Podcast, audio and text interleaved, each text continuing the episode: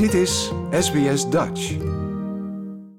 Wist u dat Aboriginals en Torres Strait Islander volkeren niet worden erkend in de Australische grondwet? De federale regering heeft een referendum uitgeschreven voor Australiërs om te beslissen of ze de grondwet willen wijzigen om een Indigenous Voice to Parliament op te nemen. Maar wat is een referendum? Wie komt in aanmerking om te stemmen in Australië en wat zou een Voice to Parliament doen? U hoort het in een nieuwe aflevering van Australia Explained, voorheen de SBS Settlement Guide.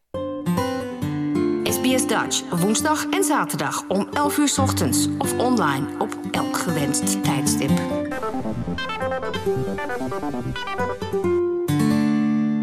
De federale regering vraagt stemgerechtigde kiezers om te beslissen of de Australische grondwet moet worden aangepast om inheemse volkeren te erkennen via een vertegenwoordigend orgaan dat bekend staat als The Voice to Parliament. The Voice zal een groep gekozen mensen zijn die de regering zal adviseren over kwesties en wetten die First Nations volkeren raken.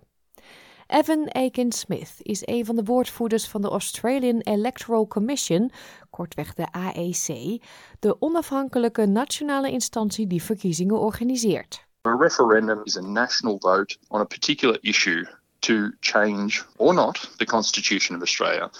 The only way you can change the Constitution is via a vote of the people. Parliament doesn't have the power to do it. De grondwet bepaalt hoe de federale overheid werkt. Het bepaalt de basis voor hoe het gemene best, de staten en de mensen met elkaar omgaan, inclusief welke wetten kunnen worden gemaakt door staats- en federale parlementen. Mensen wordt gevraagd om ja of nee te stemmen op de volgende vraag. Een wetsvoorstel. Wijziging van de grondwet om de First Peoples van Australië te erkennen door de oprichting van een Aboriginal en Torres Strait Islander Voice. Gaat u akkoord met deze wijziging? AEC-woordvoerder Aiken Smith legt uit dat, om een referendum succesvol te laten zijn, het gesteund moet worden door een dubbele meerderheid. For a referendum to pass, it has to achieve a majority of yes votes nationally and a majority of yes votes in a majority of states. So at least four out of the six Australian states have to vote yes. The ACT and the NT still vote like every other Australian citizen. They're marking a yes or a no on their ballot paper. It counts towards the national majority only and not towards that second hurdle that a referendum has to pass. So territory votes still incredibly important to that national majority total. De voorgestelde Voice to Parliament zou een gender-evenwichtig orgaan van inheemse vertegenwoordigers zijn.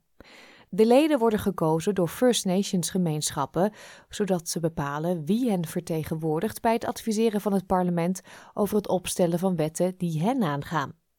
Het zou niet de macht hebben om wetten aan te nemen, besluiten te vetoen of financiering toe te wijzen.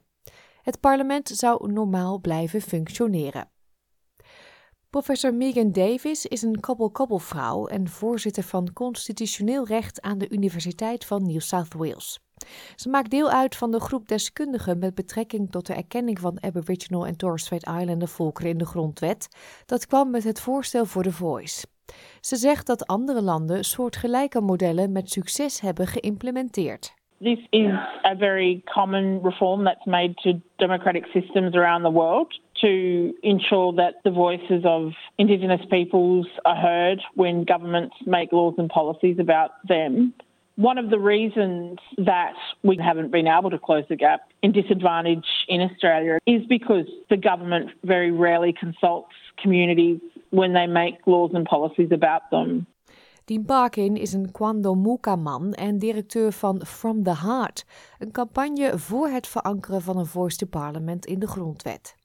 Hij gelooft dat de stem zou helpen een zekere mate van zelfbeschikking voor First Australians te garanderen, aangezien regeringen dan zouden moeten luisteren naar de mensen die het beste op de hoogte zijn van de uitdagingen waarmee hun gemeenschappen worden geconfronteerd. It's about bringing the expertise of Aboriginal and Torres Strait Islander people to the table so parliaments and governments can make better laws and policies, get better outcomes on the ground. We see through the Closing the Gap reports, we hear the statistics year after year after year. And many Australians are actually frustrated that we're not seeing the changes that we want to see in our communities.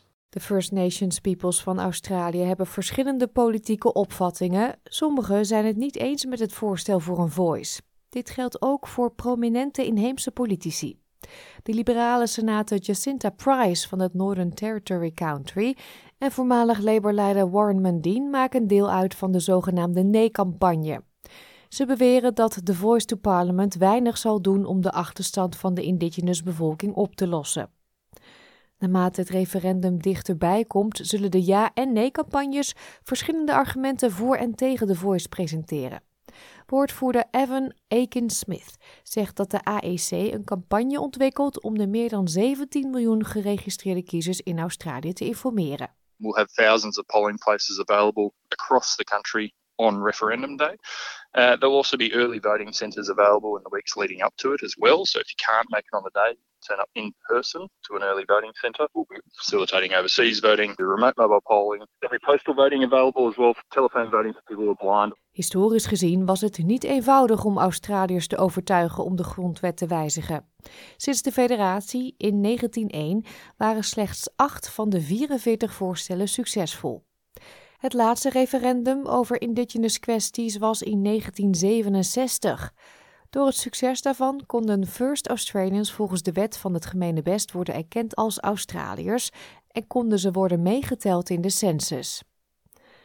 Wat betreft hoe u moet stemmen bij het komende referendum, hoeft u alleen maar de woorden ja of nee in het Engels op het stembiljet te schrijven.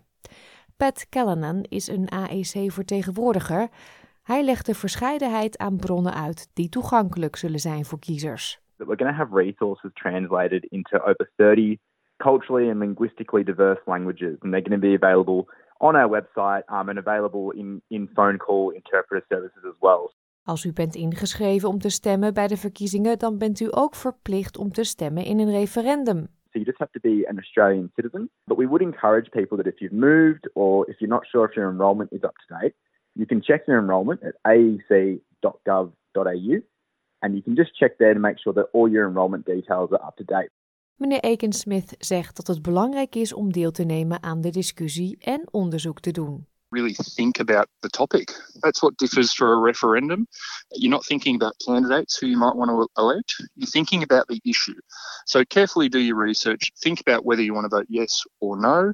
And make sure you come to the ballot box informed. En het is ook cruciaal om u te realiseren dat de uitslag bindend is. Meneer Callanan legt uit. It's really important to have your say, whichever way you vote. At the AEC, we don't care how people vote. All we care is that people do vote. And it's a really special thing being able to have your say on that. So we really encourage people to take that seriously. Like, deel, geef je reactie. Volg SBS Dutch op Facebook.